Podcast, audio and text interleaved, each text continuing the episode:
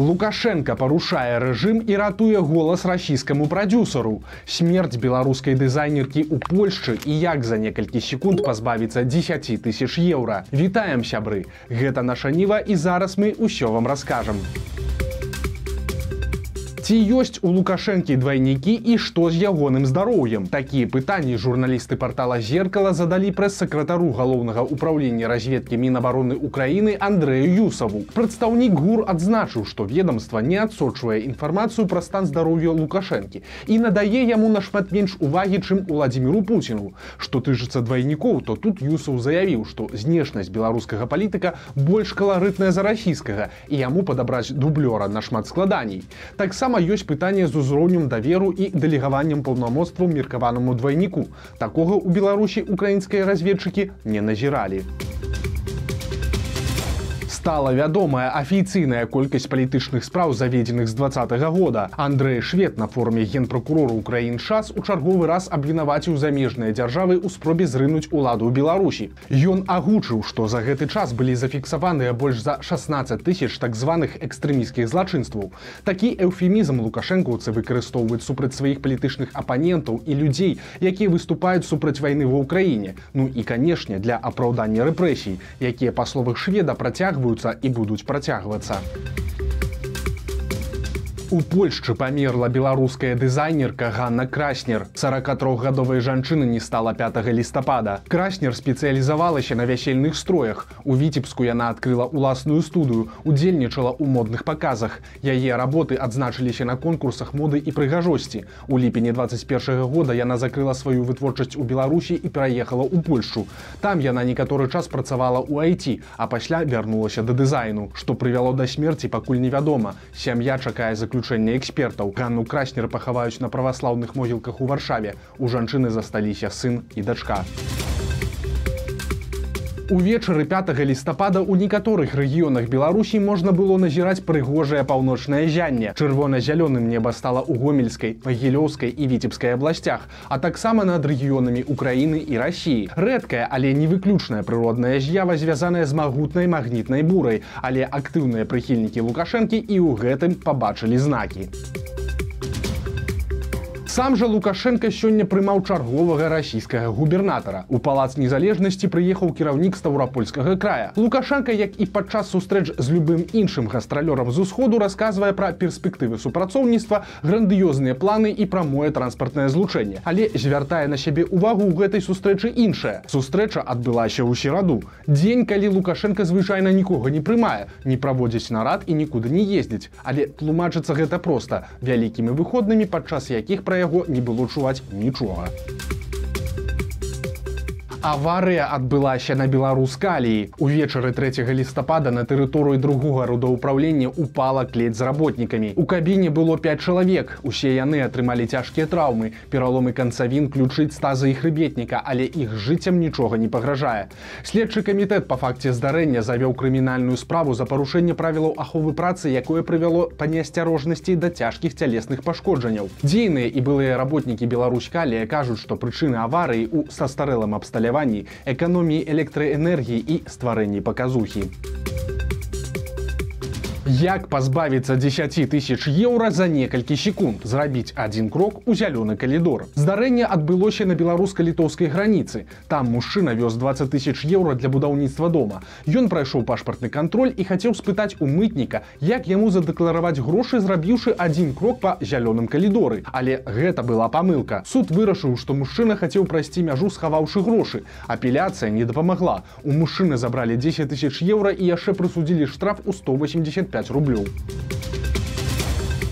І наогул на літоўска-беларускай граніцы адбываецца нешта дзіўнае. Літоўскія пагранічнікі ўжо 8 дзён не фіксуюць спроб нелегальнага пераходу мяжы з боку Беларусі. За два гады ад пачатку міграцыйнага крызісу быў толькі адзін больш працяглы падобны перыяд. Гэта 12 дзён.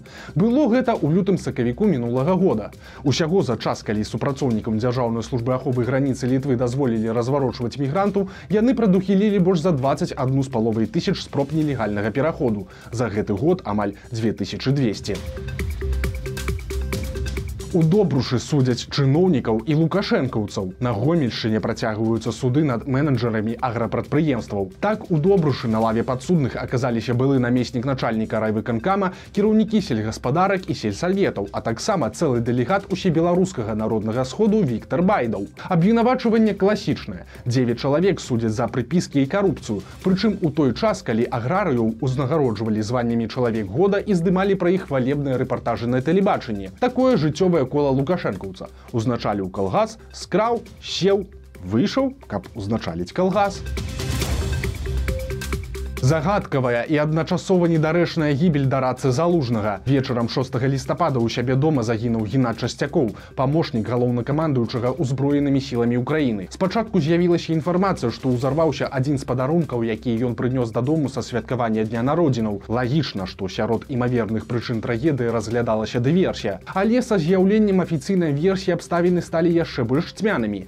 Міністр унутраных спраў Украіны Ігор Кліменко напісаў, што часцякову падарылі на дзень народзінаў родзіну баявыя гранаты заходняга ўзору, якія ён пачаў паказваць сваякам і нават даў у рукі малому сыну. Пасля чамусьці вырваў кольцо, што прывяло да выбуху. Калегу, які зрабіў фатальны падарунак затрымалі. Той сказаў, што папярэджваў, што гранаты былі баявыя і выказаў здагадку, што часцякоў проста ў гэта не паверыў. У сераду дзяржаўнае бюро расследаванняў агучыла чатыры версіі гібелі часцякова.